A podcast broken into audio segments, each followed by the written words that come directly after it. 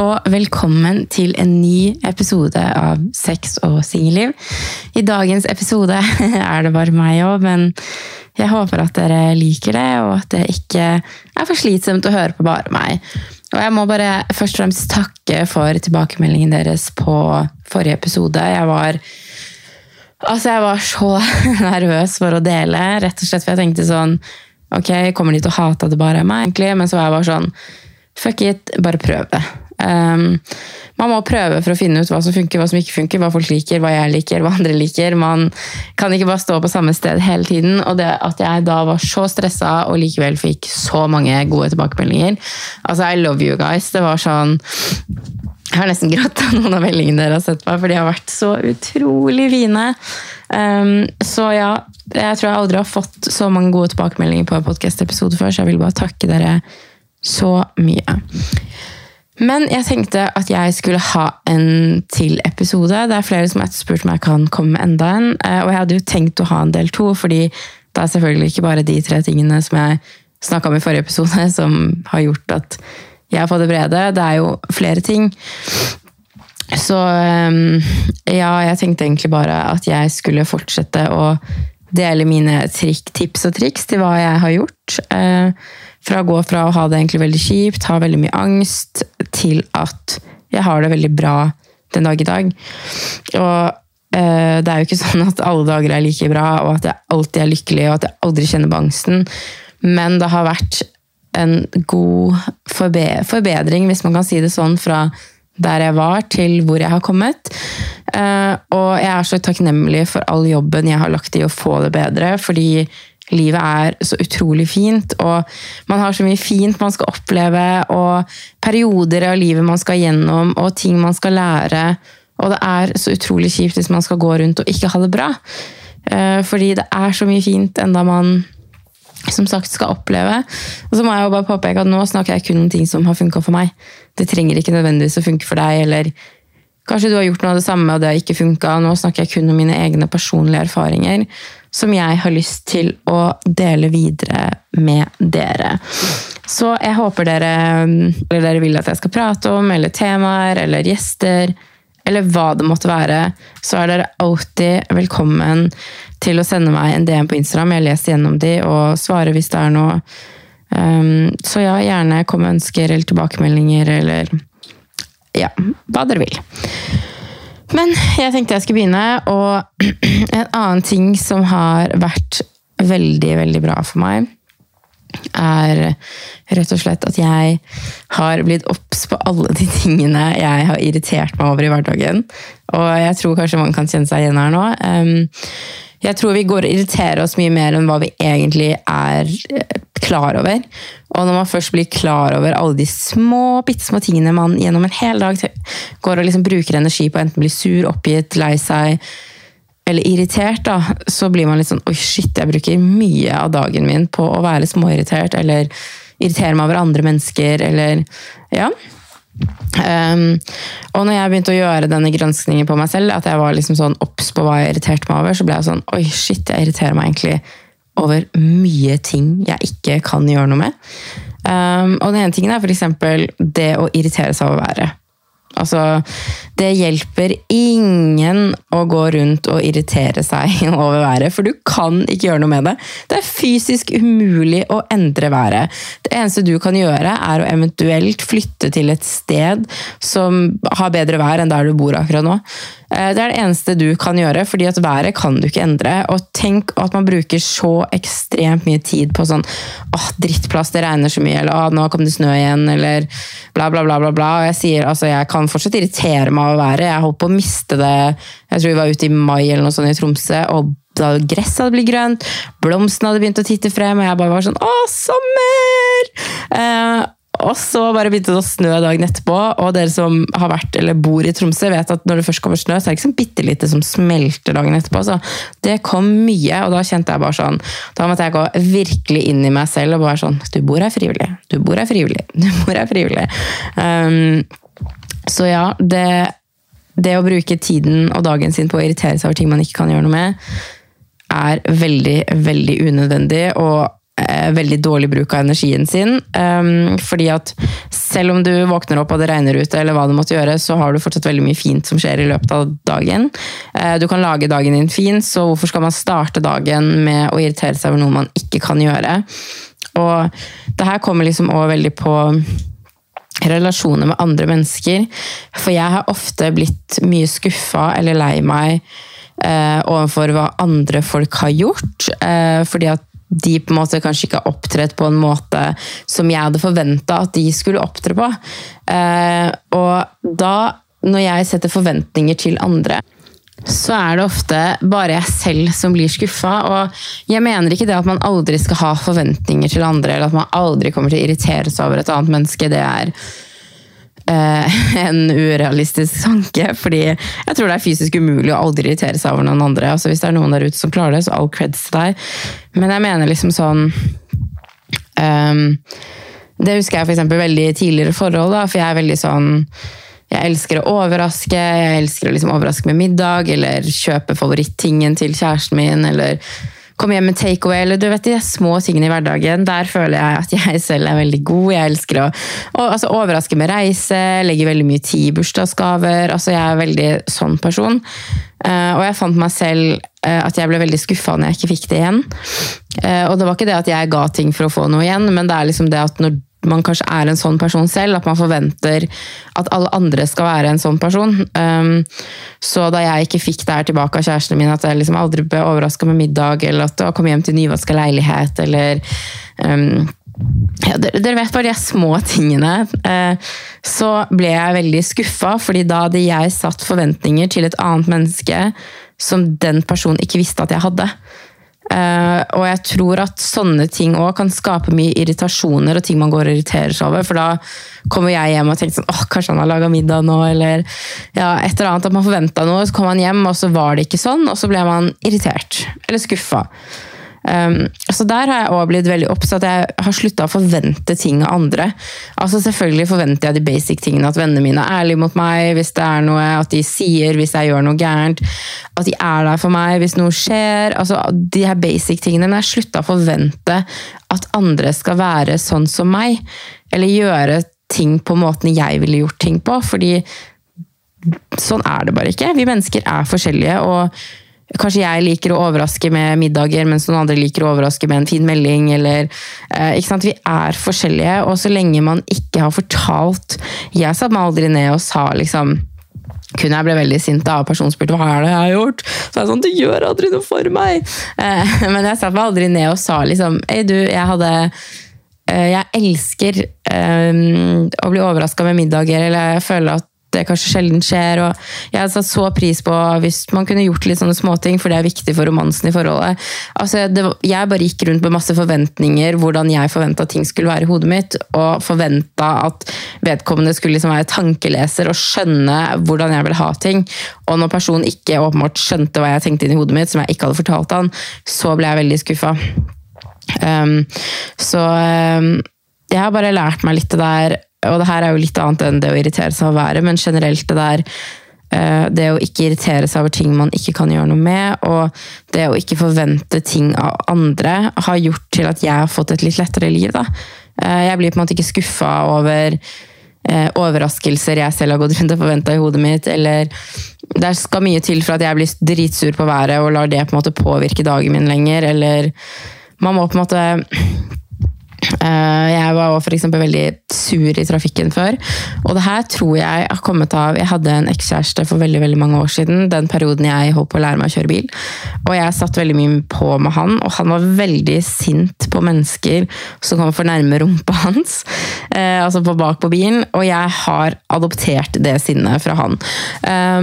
Så det er liksom sånn, jeg kan bli så sur, og da mener jeg ikke litt irritert. Jeg blir dritirritert på folk som ligger oppi rumpa mi. Og det er jo selvfølgelig av den grunn at hvis det skulle skje noe, at jeg må bråbremse, så rekker ikke personen bak. Han kommer til å fly rett inn i meg. Eh, men det er òg liksom sånn Jeg tror ikke jeg hadde hatt det sinnet hadde ikke jeg lært det et sted, hvis det gir mening. Og jeg prøver så sykt mye å ikke irritere meg over det, fordi har ikke dere òg merka at hvis det er en ting dere irriterer dere mye over, så dukker den tingen opp hele tiden. Altså, jeg får folk baki langt inni ræva på bilen min, altså inni bilen min. Sånne mennesker har jeg bak meg støtt og stadig i trafikken.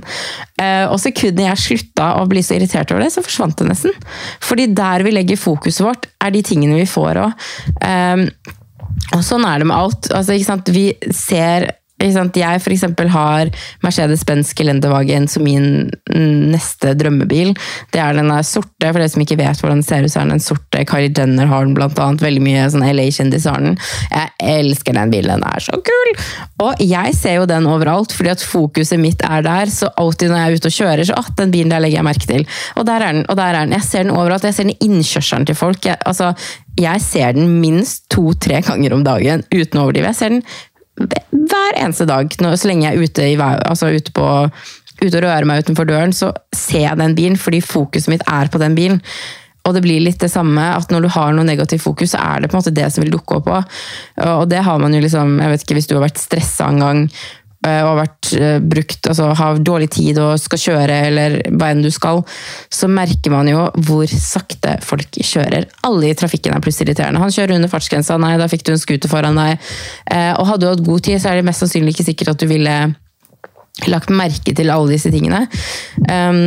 Så et godt tips fra meg er å prøve å ikke irritere seg over ting man ikke kan kontrollere. Ting du ikke kan gjøre noe med Um, la det gå. Tenk sånn ok, været er dårlig i dag, hva kan jeg gjøre med det? Ingenting. Nei, ok, ikke ofre det en tanke. Fordi det går ikke utover været at du irriterer deg over været, det går kun utover deg selv. Eh, de forventningene du har satt til andre mennesker som de ikke vet om, det går ikke utover den personen, det går òg kun utover deg selv.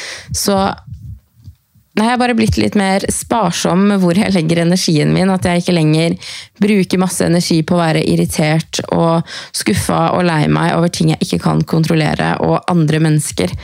Eh, det høres kanskje litt brutalt ut å ikke ha forventninger til andre mennesker, men sekundet jeg slutta å ha masse forventninger til andre, utenom de basic tingene som jeg sa uh, i stad, som er viktig for meg i vennskap eller relasjoner, så har jeg fått det bedre òg. Liksom, folk tenker ikke som meg, og jeg kan ikke forvente at andre skulle gjort nøyaktig det samme som meg. Vi er forskjellige mennesker, eh, og det tror jeg er viktig å ha i bakhodet. Um, og en annen ting jeg òg har gjort for å få det bedre, er at jeg har slutta nesten jeg blir faktisk veldig imponert av meg selv hvis jeg noen gang kommer til å klare å slutte helt med det her. Men jeg har nesten klart å slutte. Og da, bry meg om hva andre mennesker sier om meg. Um, og jeg husker det var en periode der jeg var veldig, veldig, veldig redd for å bli tatt. Um, jeg hadde det ikke bra med meg selv, jeg var veldig langt nede, og jeg hadde jo hva kan man si? Jeg hadde jo stikket meg veldig ut siden Paris Hotel. Det var jo blogg med clickbait. Jeg delte ekstremt mye greier som førte til at folk ble provosert. Og jeg tror i to år så opplevde jeg jo hver eneste dag å få ekstremt stygge kommentarer og trusler, og jeg hadde noen som sendte brev og beskrev leiligheten min detaljert, og det var veldig mye sånn ekkelt som skjedde på en gang, og til slutt så bare fikk jeg så nok at jeg turte ikke lenger å være meg selv. Og jeg skal jo selvfølgelig ikke si at alt jeg har lagt ut på sosiale medier, er meg selv. Jeg har jo selvfølgelig lagt ut ting for at jeg vet at spesielt med blogg, når det var clickbait og alt de der tingene der, så la jeg jo ting jeg visste at ok, dette er noe folk kommer til å bite på. Um, og det er jo sånn avisene holder på med overskriftene sine òg. Um, men jeg vet jo med meg selv at jeg er en veldig frittalende person. Jeg har en sterk personlighet. Jeg sier ting som det er. Jeg er ikke redd for å måte, dele meningene mine. Um, så jeg kan være provoserende av natur òg, det er bare sånn jeg er. Hvis man ikke liker folk som er veldig sånn frempå, har mye personlighet, um, tar mye plass og som sier ting rett ut, så kan man bli provosert av meg uten at jeg går inn for å provosere. Uh, og jeg føler at jeg veldig mista den jeg var, da, fordi jeg hadde nok vært provoserende for mange i en lang periode, og jeg hadde fått så mye hat at jeg til slutt ikke turte å være meg selv fordi det var så vanskelig å stå i det. Og det var så mye meninger. Det var liksom sånn på hvordan kroppen min så ut, på hvordan jeg snakka, på hvordan forholdet mitt jeg var i. Eh, fra hvordan jeg bevegde meg, til hvordan jeg behandla Celine, hvordan jeg var rundt vennene mine. Hele livet mitt ble analysert av andre mennesker. Og det var ting som var veldig gjentagende, og som jeg fikk høre ofte. Så jeg begynte jo til slutt å tenke sånn Oi, er jeg egentlig sånn? Og jeg har 100 millioner ganger ringt vennene mine bare sånn Er jeg en dårlig venn? Eh, jeg har tatt prat med kjæresten min. altså, Stemmer det her? Jeg har liksom analysert ok, er jeg en dårlig hundeeier. Ok, men er jeg firkanta? Er kroppen min virkelig firkanta? Um, er jeg slem? Ikke sant? Alle de tingene her. Når du får høre mye ting om deg selv fra andre, kan du tenke deg selv å um, hvis du har fått en negativ kommentar fra noen på jobben eller i vennegjengen, eller en tilfeldig på byen, hvor mye tid har ikke du brukt på å tenke på den kommentaren? Eh, Sammenligna med positiv, så er det sånn 'Å, så fin du er i dag', så er sånn, å, takk, og så lar man bare den positive kommentaren bare fly av gårde. Men sekundet det er en negativ kommentar, så analyserer man den. Man tenker 'stemmer dette'? Um, og alle de tingene der. Og det var veldig, veldig vanskelig å gå fra å være ingen til at man plutselig var noen folk kjente til, og at plutselig folk skulle mene noe om hele livet ditt, og hvordan du var, og hvordan du var i forhold og relasjoner. Det var veldig tøft, så jeg føler at jeg mista meg selv veldig. Um, fordi at jeg prøvde å please alle hele tiden. Jeg var sånn Ok, men jeg kan ikke si det, for da kan de menneskene bli eh, offenda. Ja, men jeg kan ikke mene det, for da er det kanskje sånn at jeg sårer hun. Uh, ja, men hvis jeg sier det, så Ikke sant hele meg Jeg gikk rundt og hadde så mye angst og stress inni meg. For at jeg hele tiden var livredd for å tråkke feil. For å fornærme noen. For å gjøre noe noen var uenig i. Og alt jeg kan si, at jeg aldri før vært så ulykkelig. Jo da, det har jeg jo selvfølgelig med Hvis man går veldig langt tilbake i tid, men i nyere tid, hvis man kan si det sånn, så har jeg aldri vært så ulykkelig som det jeg var de to årene jeg var desperat etter å prøve å bli likt og godtatt av alle. Det er en umulig oppgave. Du kan være den snilleste, godeste, mest omsorgsperson i hele verden, og folk vil fortsatt finne feil ved deg. Sånn, Nei, hun er for snill, det er falsk. Åh, hun bare sier at hun bryr seg for at uh, Ja, det er bare falsk. Alt er falsk. Det det er kleint å være så hyggelig, det er kleint å være så omsorgsfull. Uansett hvor bra du er, så vil noen klare å finne feil med det du gjør. Så jeg har bare funnet ut at vet du hva, jeg kan ikke tilfredsstille alle. Noen vil synes at jeg snakker for mye. Noen vil synes at jeg tar for mye plass. Noen vil synes at jeg er kjedelig. Noen vil tenke at det jeg gjør med livet mitt, er helt feil. Noen vil ikke forstå hvorfor jeg gjør sånn og sånn. Det vil alltid være mennesker som ikke forstår dine valg, fordi de ser ditt liv basert på altså, Eller gjennom sine øyne, da. Og man er så forskjellig. Altså, når jeg ser på mine venner, vi har så mye likheter på mye, men vi er jo så ulike.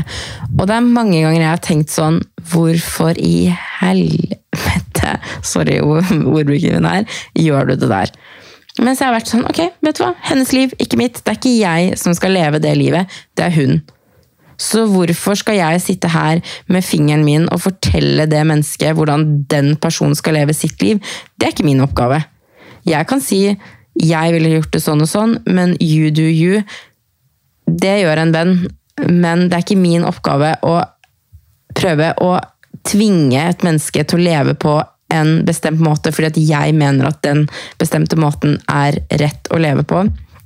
Så hvis man hele tiden går gjennom livet sitt og skal leve gjennom andre, hva andre mener. Altså, ok, Mamma mener at jeg burde ta den utdannelsen her. Kjæresten min mener at jeg ikke burde flytte. Eh, vennene mine sier at jeg snakker for mye. Alle de tingene her. Hvis man hele tiden skal gjøre og velge et liv basert på hva andre forteller deg hva du skal gjøre, hvordan liv har du egentlig da? Da lever du jo noen andre sin drøm. Du oppfører deg som noen andre ville gjort. Du, Hele livet ditt er basert på andre enn deg selv. Og som jeg sa i begynnelsen her, jeg tror man aldri kommer til å klare å aldri bry seg om hva andre sine meninger er. Jeg har som jeg skrev, jeg har nesten klart å slutte med det. Men selvfølgelig så er det noen ganger det går inn på meg òg. Det gjør meg usikker. Stygge kommentarer, negative kommentarer kan selvfølgelig få meg til å tenke gjør jeg noe dumt nå? Eh, men jeg har bare kommet hit at jeg har så mange gode venner i livet mitt. Jeg er veldig, veldig, veldig heldig med familien min. Og jeg har bare tenkt sånn, ok hvis vennene mine eller familien min eller noen jeg er veldig glad i og faktisk bryr meg om, kommer til meg og sier Sofie, jeg syns det du gjorde nå, er ikke greit. Det var veldig dårlig gjort pga. bla, bla, bla.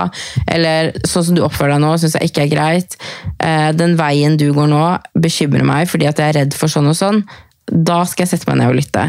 Men du kan ikke høre på absolutt alle menneskene rundt deg, og du må stole nok på deg selv til å vite at ok, det valget her vil mange være uenig i. Jeg vil få kritikk, folk vil dømme meg, men det er riktig for meg. Altså, vi har ett liv, mest sannsynlig. Jeg er så redd for å få noe nytt liv og bli født. Jeg er så takknemlig for livet mitt. Så min største frykt er faktisk å bli født på ny. Eh, la oss håpe at det ikke skjer. Men vi har ett liv, og det er den tiden vi får. Det eneste som er garantert, er at vi skal Vi kommer til å dø en dag. Vi kan ikke unnslippe døden. Eh, det er det eneste vi vet. Det er den eneste garantien vi har for livet. Vi vet ikke når den kommer.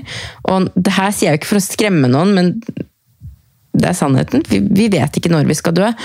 Og tenk å vite Tenk å liksom bli gammel, og skal du se tilbake på livet ditt, så er det sånn åh, jeg gjorde egentlig ingenting av de tingene jeg ville, fordi Gerda fortalte meg at jeg ikke skulle gjøre det. Og så er det sånn, ok, men Gerda er død nå, så hva hadde egentlig hennes meninger å si? Altså, alle mennesker, alle du kjenner, alle som dømmer deg, alle som støtter deg, alle som kritiserer deg, alle som elsker deg alle rundt deg kommer en dag til å være borte, inkludert deg selv. Ingen kommer til å huske deg, for man er død uansett. Så, er det sånn, så bruker man likevel så mye av livet sitt på å være så redd for hva folk skal si om enten utseendet ditt, kroppen din, hvilken karrierevei du går hvem du velger å være venn med, du, hvilke meninger du har. altså Alle de tingene der. Vi er så redde for hva andre skal synes om oss.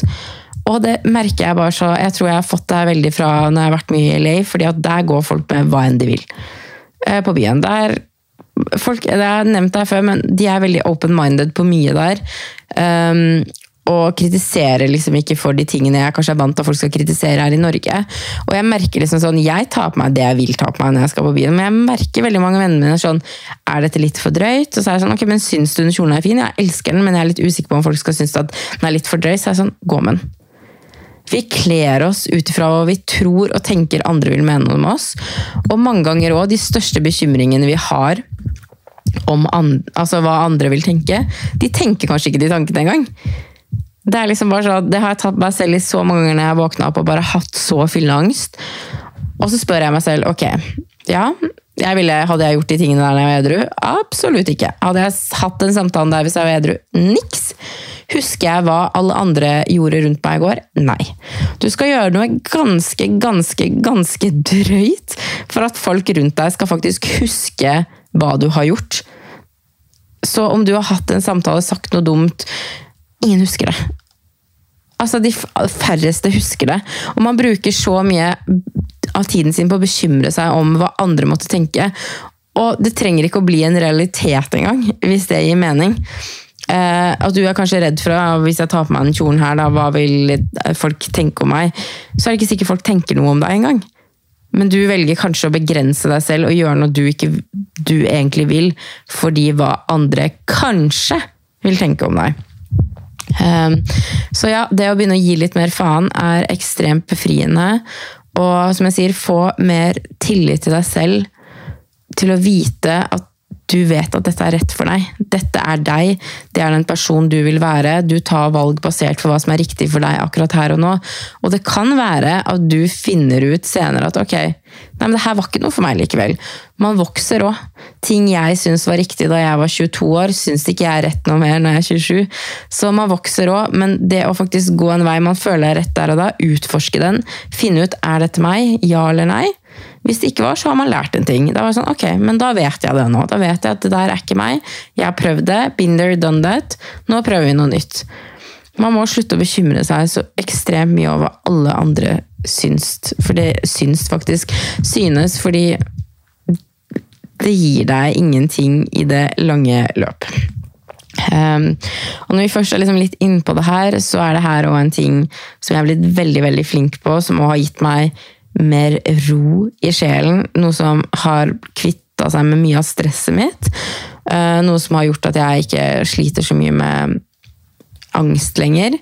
Uh, og det er rett og slett det å prøve å leve mer i nuet. Hvis du faktisk går gjennom en hel dag og analyserer alle tankene dine, så er de fleste om ting som har skjedd i fortiden, og hva du bekymrer deg om som kan skje i fremtiden. Vi lever alltid enten i fortiden eller fremtiden, og vi er så lite til stede akkurat her og nå. For vi har så mye sånn stress og bekymringer og anger rundt ting som, ja, altså rundt ting som har skjedd, eller kan skje. Og mesteparten av tiden så skjer det ikke engang. Tenk alle bekymringene du har hatt for et eller annet som kanskje ikke kom til å ordne seg, og så ordna det seg. Så brukte du kanskje én dag, to dager, en uke, en måned på å bekymre deg over den tingen. Og så skjedde det ikke. Så jeg har blitt så ekstremt mye flinkere til å bare være akkurat her og nå. Fortiden kan man ikke gjøre noe med. Det er umulig å endre fortiden. Det eneste du kan gjøre fra fortiden, er å lære av den. Det er det eneste Altså, du kan ikke gjøre noe med fortiden din. Det har skjedd. Altså, det er umulig å endre det. Det har skjedd. Så det eneste du kan gjøre, hvis du har gjort noe du tenker sånn Faen, hvorfor gjorde jeg det der? Det var så dumt av meg. Jeg dreit meg skikkelig ut. Ok, da dreit du deg ut. Kanskje det var dumt gjort av deg. Men hva har du lært av det? Hvis man aldri driter seg ut, hvis man aldri tar et feil valg, hvis man aldri sårer noen, hvis man aldri er slem mot noen, ubevisst selvfølgelig, hvis man aldri gjør noen av de tingene her som ikke er de perfekte tingene å gjøre, så lærer man jo aldri. Se for deg hvis du bare skulle gjort gode ting hele livet ditt, hvordan person hadde du egentlig vært i dag da? Når jeg ser tilbake på mine ting, da, så er det de kjipeste og vanskeligste tingene jeg har gått gjennom, som har gjort meg til den personen jeg er i dag, som har gitt meg så mye erfaringer, som har gjort meg klokere, som har gjort at jeg vet hvordan jeg skal håndtere en sånn situasjon hvis det skulle skje igjen, som har gjort meg til et bedre menneske, som har gjort meg til en bedre venn, som har gjort meg til en bedre familiemedlem, som har gjort meg til en bedre kjæreste. Altså alle de dårlige valgene jeg har tatt i fortiden min, har gjort meg til den jeg er i dag, og jeg vil si at mange av de tingene har gjort meg til en så mye bedre person. Og for eksempel min første leilighet, da vi kjøpte den, eh, den kjøpte jo jeg basert på at alle fortalte at vi burde kjøpe leilighet. Vi var så dumme som, som, brukte penger på å leie leilighet. Det var å kaste penger ut av vinduet. Nei, nå hadde vi vært sammen i tre år, det var på tide å kjøpe leilighet. Altså, Alt det presset rundt der lot jeg meg Altså, jeg ble påvirka av det, fordi jeg var sånn Å ja, ja, men alle sier at jeg må kjøpe leilighet. Ja, men kanskje jeg må gjøre det, da. Og så er man liksom, hva da var vi under kjøpte en leilighet i 24 år? Det er ingen alder! Du har hele livet ditt til å kjøpe en leilighet. Men vi måtte ha det når man var så ung, fordi at alle andre fortalte at sånn det skulle være. Og dere som har fulgt meg lenge, vet at det var mye styr med den leiligheten. Vi hadde, det var noe med rør på utsiden og utgifter på utgifter. Vi begynte renta fordi den, vi fikk et tilbud som var ganske bra, og vi fikk anbefalt å gjøre det. Så vi begynte renta, og vi solgte under korona, og da gikk jo renta ned. Så vi måtte kjøpe oss ut av fastrentelånet vårt, og det var 200 000 kroner å kjøpe seg ut av det fastrentelånet. Eh, vi hadde jo rørutgifter på over 100 000. Det var så mye som skjedde med den leiligheten. Og vi satt ikke på den i ett år engang før det ble slutt. så vi hadde spart veldig mye penger på å bare fortsette å leie, aldri flytte. Og vet du, jeg skal ta på meg mye av skylda der. Jeg var den som hadde lyst til å flytte til en ny by. Eh, jeg trengte nye impulser, jeg hadde lyst til å være nærmere mine venner. Jeg følte meg ekstremt ensom i Oslo. Ehm, men jeg kan jo sitte nå og tenke sånn Faen, jeg har tapt så mye penger. Dumme meg som kjøpte denne leiligheten her. Og være skikkelig sint på noe jeg gjorde i fortiden. Men vet dere hva jeg, heller, har gjort istedenfor? Jeg har bare tenkt sånn, vet du hva? Ja. Var ikke, det var ikke beste leiligheten vi kunne kjøpt. Eh, det kom med ekstremt mye stress og dumme ting. Men jeg lærte så sykt mye av det året der. Jeg tror det året der er et av de årene jeg har vokst aller mest på. Og ja, det kosta meg. Det var en dyr lærdom. Det kosta oss masse penger å lære de tingene der. Men nå har vi lært, begge to har lært hva vi skal se etter, hva vi ikke skal gjøre, hvordan ting skal være neste gang vi eventuelt kjøper leilighet. Og det viktigste jeg fant ut ved å kjøpe leilighet, var at jeg absolutt ikke var klar for det. Jeg kjøpte ikke leilighet for at jeg selv hadde lyst på det. Jeg kjøpte leilighet fordi at andre forventa at jeg skulle kjøpe en leilighet, og jeg følte at jeg måtte møte andre sine forventninger. Og det var så mye stress med å ha det. Altså, jeg Det å bare Når ting skjedde i leiligheten, det å ikke kunne ringe huseier og bare sånn 'Hallo, det har skjedd noe rart nå. Din regning, vær så god, ikke mitt problem. Å få noen som fikser det, til at alt plutselig var mitt ansvar, mine problemer, mine penger. Um, og jeg har også lært at neste leilighet jeg skal kjøpe, skal være i leilighetskompleks. Jeg vil ikke ha selveier, fordi alle problemene er dine. Eh, så jeg har lært så mye av den leiligheten, så nå ser jeg bare på det som en blessing. Det var en dyr lærdom, men jeg er veldig glad for at jeg gikk gjennom nøyaktig det jeg gikk gjennom. fordi ellers hadde jeg ikke sittet med all den erfaringen og kunnskapen jeg har den dag i dag. Kanskje jeg hadde gått på samme smellen senere i livet. Man vet ikke. Men nå har jeg lært det, så nå vet jeg at jeg, det kommer ikke til å skje igjen. Man kan jo selvfølgelig ikke si en sånn ting, men nå har jeg lært veldig på en veldig hard og brutal måte hvordan det å eie leilighet er. Hva jeg skal gjøre neste gang. Jeg føler bare sånn, Det har gitt meg en så mye lærdom. Og det samme er med alle forholdene mine. Jeg har mange ganger tenkt sånn Jeg kan si det sånn at jeg har noen av forholdene mine har vært veldig på overtid. Der jeg har gått og tenkt veldig lenge sånn jeg burde gjøre det slutt. Og så er man redd for å være alene, og så har man brukt mye tid på å syke seg opp til å gjøre det. Og så har jeg helt ærlig brukt veldig mye tid på å være sint på meg selv på å tenke liksom Nei, for jeg tenkte sånn Sofie, du har brukt så mye av 20-årene dine på å være i et forhold. Altså, jeg, jeg ble singel da jeg var 25 år, og da hadde ikke jeg vært singel siden jeg var sånn 15. Så jeg var inn og ut av forhold fra jeg var 15 til 25. Ti år av livet mitt har jeg liksom brukt på Og jeg tror det er ett forhold der jeg har vært sånn ordentlig forelska. Resten har bare vært sånn at jeg, er redd for å være alene. Uh, du er trygg, du er behagelig, du kan gi meg det. Um, så på de 15 årene så var jeg i ett forhold der det var sånn ordentlig forelskelse og ekte, ekte kjærlighet. Um, og jeg har mange ganger tenkt sånn Hvorfor brukte du så mye dyrebar tid på å være i forhold du egentlig visste at du ikke burde være i? Forhold du visste innerst inne ikke kom til å vare for alltid. Hvorfor brukte du tiden din på det? Og så har jeg bare vært sånn Kan jeg endre det? Absolutt ikke. Kan jeg lære av det? Ja. Og jeg har lært så mye av alle forholdene jeg har vært i. Og jeg har vokst så mye, og jeg har utvikla meg som person. Og jeg har funnet ut hva jeg vil ha i et neste forhold. Jeg vet hva jeg ikke vil ha. Så hvorfor skal jeg være sur og angre på noe som har gitt meg så mye lærdom, som vil gjøre at mitt neste forhold mest sannsynlig vil være så bra? Nei, det mest sannsynlig, det skal være så bra. Jeg kommer ikke lenger til å settle down for noen jeg vet ikke er rett for meg, bare fordi at å, du er trygg, eller du har det sånn, eller du får meg til å føle meg bra, eller hva enn det måtte være. Nå vet jeg nøyaktig hvordan jeg vil ha ting, for jeg har vært igjennom så mye som har lært meg hva jeg vil ha og ikke vil ha.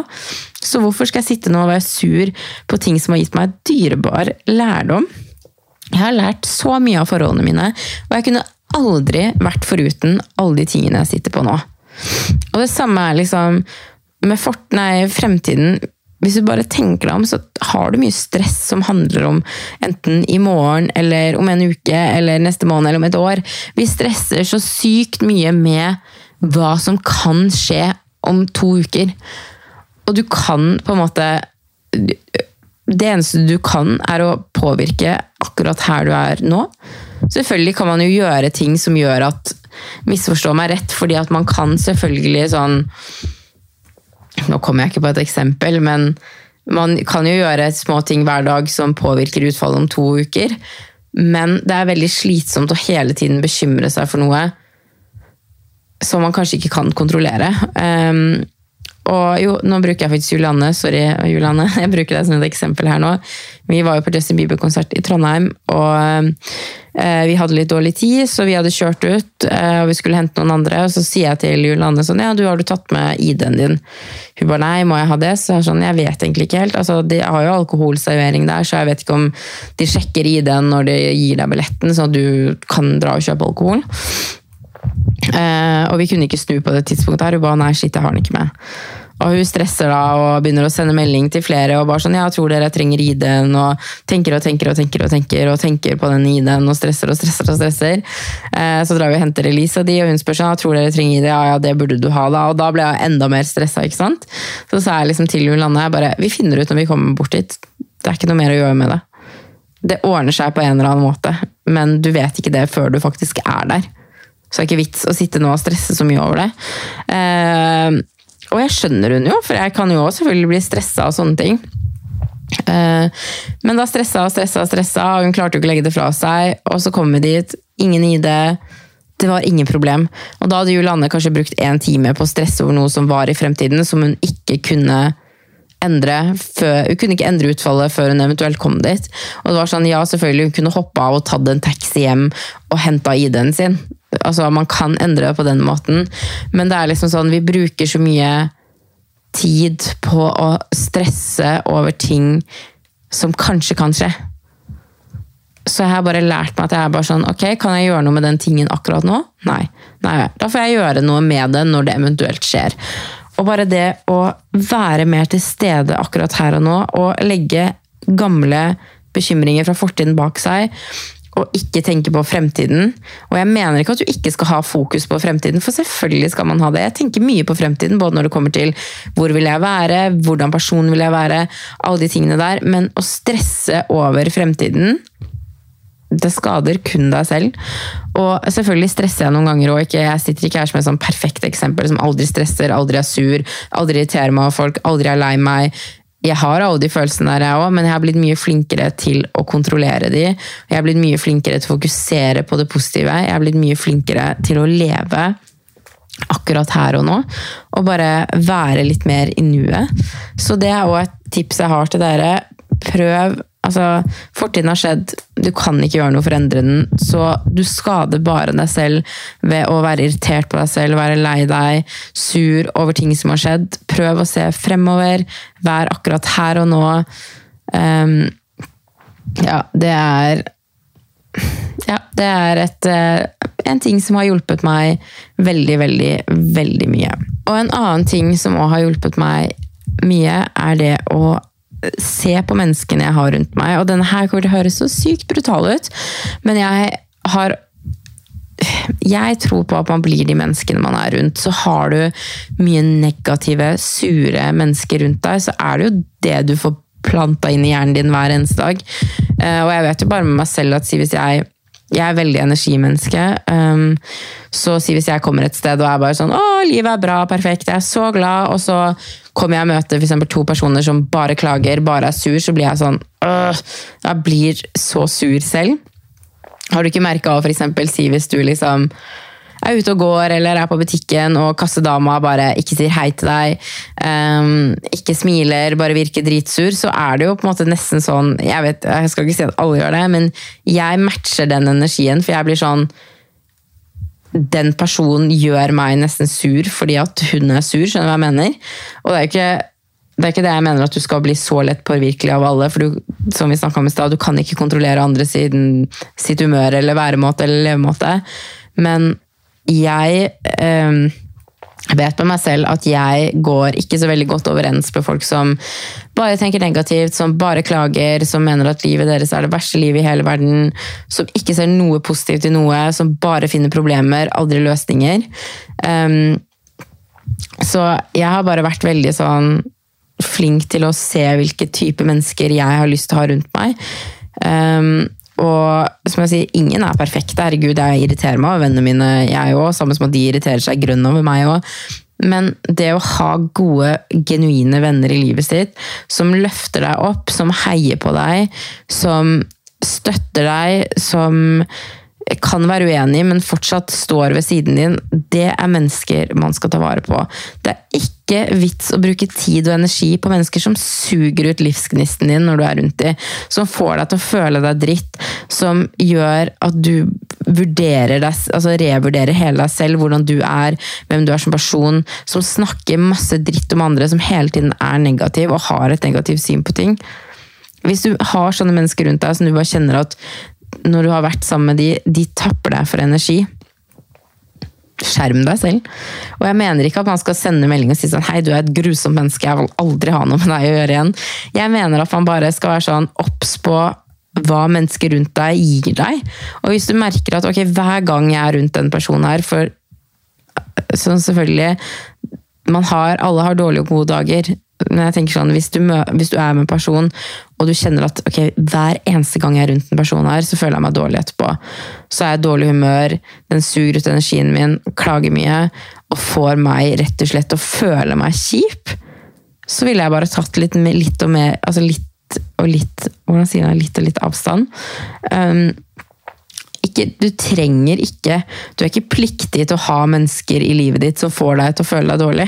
Som jeg sier, Det handler ikke om at man ikke trenger å være venner med eller familie mer, men det handler om å sette grenser for seg selv og vite at ok, det her gjør meg ikke bra, det får meg til å føle meg dårlig, jeg har det ikke greit.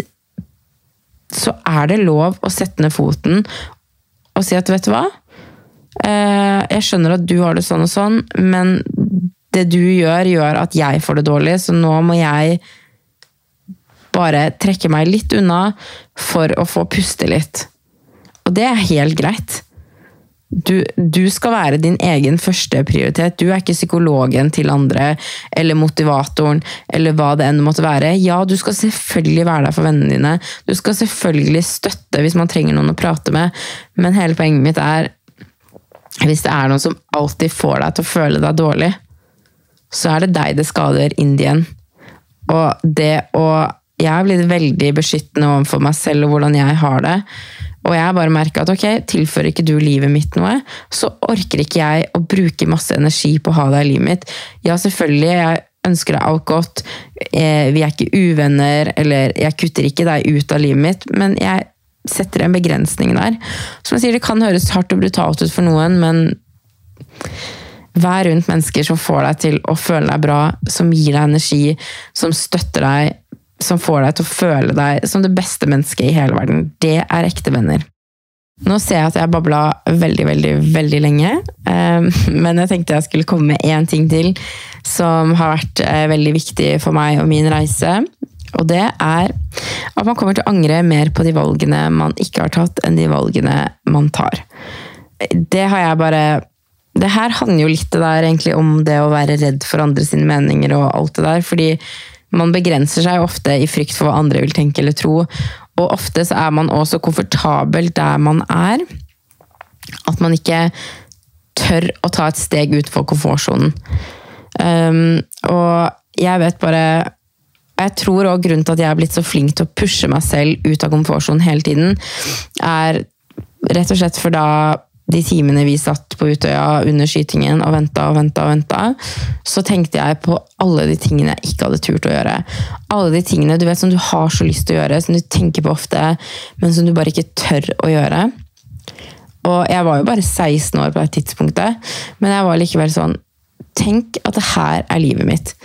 Tenk at det er sånn her det skal ende. Tenk at alle de tingene jeg har latt være å gjøre i frykt for hva som kan skje, eller hva andre vil si. Og jeg angra så sjukt mye.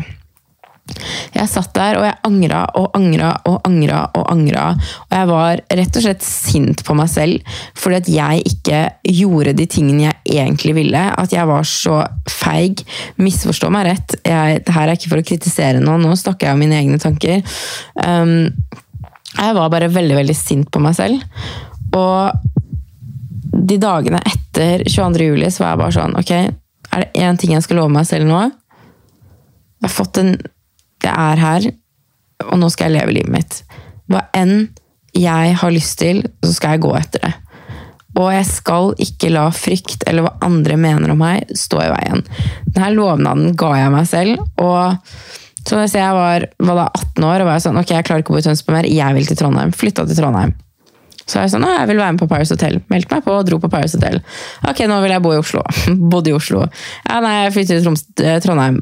Dro til Trondheim. Nei, nå vil jeg til Tromsø. Altså, eller jeg ville jo ikke til Tromsø, det var jo egentlig eller, ja, dere skjønner. Men jeg har hele tiden, som jeg sier, det har aldri vært lett. Nå tar jeg bare flytting som et eksempel. Det er mange ting man kan gjøre. Um, men eh, da jeg flytta til Trondheim, for eksempel, så endte jeg med å ikke dra med mamma og hennes daværende kjæreste når de skulle kjøre meg og tingene mine til Trondheim. Jeg hylgrein hele natta og var sånn herregud, jeg kan ikke flytte herfra, og hva er det jeg har gjort, og dumme meg, og hva skal jeg gjøre? Jeg fikk helt panikk. Så når de kom og henta meg dagen etterpå, var jeg sånn, jeg klarer ikke å dra. Sorry. Jeg klarer ikke å dra. Eh, og da sa liksom mamma til meg ok, men da er du her noen dager til, og så tenker du, og så kommer du når du føler deg klar. Og jeg tror jeg ble igjen i tre dager, og så var jeg bare sånn Bare prøv det. Hopp i det, prøv det. Hva er det verste som kan skje? Jo, det er at jeg ikke trives. Hva gjør jeg da? Flytter tilbake. Hva er det beste som kan skje? At jeg trives og får time of my life og får oppleve noe nytt. Så jeg var sånn, ok, jeg pakka de tingene jeg hadde igjen, satte meg på flyet til Trondheim og dro. Og jeg er så takknemlig for at 18 år gamle Sofie tok det valget. Altså Når jeg sitter og spiller inn podkast-episoden her nå, så sitter jeg hos en av mine beste venninner. Jeg hadde aldri møtt hun hvis jeg ikke hadde flytta til Trondheim. Mange av de aller nærmeste venninnene jeg har, bor i Trondheim. Jeg fikk oppleve ekte kjærlighet første gangen jeg flytta hit. Jeg har aldri vært så forelska som jeg var i den personen. Jeg har altså, mange av de beste minnene jeg har fra mitt liv Nå har ikke jeg levd et så langt liv, jeg er bare 27 år, men noen av de beste minnene jeg har, er fra Trondheim. Og tenk, Jeg får helt sånn panikk av å tenke på at hadde ikke jeg turt å ta det valget der, alle de fine tingene som beriker livet mitt hver eneste dag, ville ikke vært i livet mitt. Og det er nesten litt sånn, Jeg blir nesten litt rørt av å tenke på det. For det er, det er skremmende å tenke på alle de flotte menneskene jeg kjenner her, som jeg aldri ville kjent hvis ikke jeg hadde flytta hit. Hvis ikke 18 år gamle Sofie var sånn vet du hva, fuck it, nå går du etter det du egentlig vil. Du lar ikke frykten styre deg. Dra til Trondheim. Og samme som jeg hadde snakka med forrige podkast-episode om, at jeg ikke ville flytte til Tromsø, men gjorde det likevel. Så mye fint jeg har fått av å møte den gang da var min største frykt å flytte til Tromsø. Og jeg gjorde det likevel. Og så mye fint jeg har fått oppleve, og mennesker jeg har fått bli kjent med på at jeg tok det valget. Og som jeg sier, man angrer alltid mer på de valgene man ikke tok, enn de man tok. Det kjenner du sikkert igjen i. Du har sikkert enda en tid å tenke på sånn åh, hvorfor gjorde jeg ikke bare det? Hvorfor tok jeg bare ikke den muligheten? Hvorfor var jeg så feig? Hvorfor hoppa jeg bare ikke opp i det? Altså, man har Igjen, livet er kort. Um, som jeg sier, Hvis du sitter nå og du har enten lyst til å flytte, flytte til utlandet, det er noen du har lyst til å prate til, det er noe du har lyst til å si til noen, du har lyst til å reise et sted, du har lyst til å ta en spesiell utdannelse, du har lyst på en jobb, eh, det er noe du har lyst til å starte, du vil bli influenser, du har lyst til å begynne på TikTok gjør det. Hopp i det. Drit i hva alle andre vil tenke om deg. Gå ut av komfortsonen din og gjør det. Ta den muligheten her. Kanskje den aldri kommer igjen. Og skulle det være sånn at du finner ut at åh, det her var ikke noe for meg, så er det bare å snu og dra tilbake igjen. Flytter du til en ny by, og du finner ut at ok, jeg trivdes ikke her, nå har jeg vært her i et halvt år, ett år, det suger fortsatt. Vet du hva du gjør da? Pakker du sakene dine, drar hjem igjen. Eller hvor enn du måtte dra. Tar du en jobb du tenker at, at det er drømmejobben, så finner du ut at ah, nei, det her var ikke jobben min igjen. Vel, det er tusen andre mennesker som vil ansette deg der. Jeg lover deg at du kommer til å angre mer på alle de tingene du ikke turte å ta, enn Eller alle de valgene du ikke turte å ta, enn de valgene du faktisk tør. Og som jeg nevnte også i stad, det er det her du lærer av. Det å aldri tørre å utfordre seg selv. Det å aldri tørre å gå ut av komfortsonen. Det å aldri tørre å gjøre noe nytt. Vel, hva skjer da? Du blir stående på nøyaktig samme sted for resten av livet. Og om ikke det er en mer skremmende tanke, at du skal være akkurat her du er i nå, eller akkurat her du er nå, om fem år Om ikke det skremmer deg mer enn at ok, jeg prøver den tingen her, kanskje det ikke går. Ja vel, da gjør jeg noe nytt. Det burde skremme deg mye mer å tenke at hvis jeg aldri tør å gjøre noe nytt som, er, som skremmer meg, så blir jeg værende akkurat her i dag. Alt du gjør som utfordrer deg, er nye, nye ting du lærer hele veien, som er på å utvikle deg som menneske. Så tør å gå etter de tingene du vil. Enten så blir det dritbra, eller så lærer du noe ut av det. Så uansett hvordan man vrir og vender på det, så vil utfallet bli bra uansett. Det er så mye kjipere å gå og tenke på hva om, hva hvis, hva om jeg hadde gjort det. Som jeg sier, bare se på min historie til Trondheim. Jeg ville plutselig ikke, men jeg Eller redselen tok over. Eh, hva heter igjen? Å, jernteppe. Men i hvert fall, redselen tok over liksom, kontrollen da. i noen dager der jeg var sånn Ok, nei, jeg drar ikke. Og så var jeg, trossa jeg alle fryktene og bekymringene jeg fikk, og tenkte vet du hva, jeg prøver. Og jeg hadde vært uten så mye viktige ting i livet mitt hadde jeg ikke tatt det valget. Så har du en drøm nå, har du en jobb du har lyst til, har du lyst til å flytte, et studie du vil gå på, hva enn det måtte være, gjør det. Hopp i det. Lev livet ditt. Du har ett liv. Gjør det beste ut av det. Finn ut hva som gjør deg lykkelig. Tråkk feil noen ganger, lær av det, gå videre. Nei, det her, som jeg sier, jeg kan snakke om sånne her ting i evigheter, men jeg ser at nå har jeg snakka ganske lenge. Men jeg håper at dere følte at dere fikk noe ut av denne episoden. Og som jeg sa sist, så er det én person som føler at de har fått noe ut av det, så gjør det meg glad. Eh, Jeg deler bare det som har vært riktig for meg å gjøre, og det, de tingene som har vært rett for meg. Det trenger nødvendigvis ikke å hjelpe deg, men gjør det det, så gjør det meg selvfølgelig kjempe, kjempeglad. Så kommer det som sagt å komme gjester fremover i podkasten nå. Dere vil ikke bare sitte og høre på meg. Eh, og som jeg sa i, eh, i starten av podkasten, er det noe dere ønsker at jeg skal snakke om, eller temaer dere vil ta opp, har dere noen spørsmål, gjester dere ønsker, send meg DM på Instagram, og så leser jeg alt og tar det med videre til neste gang. Ok, ha det bra!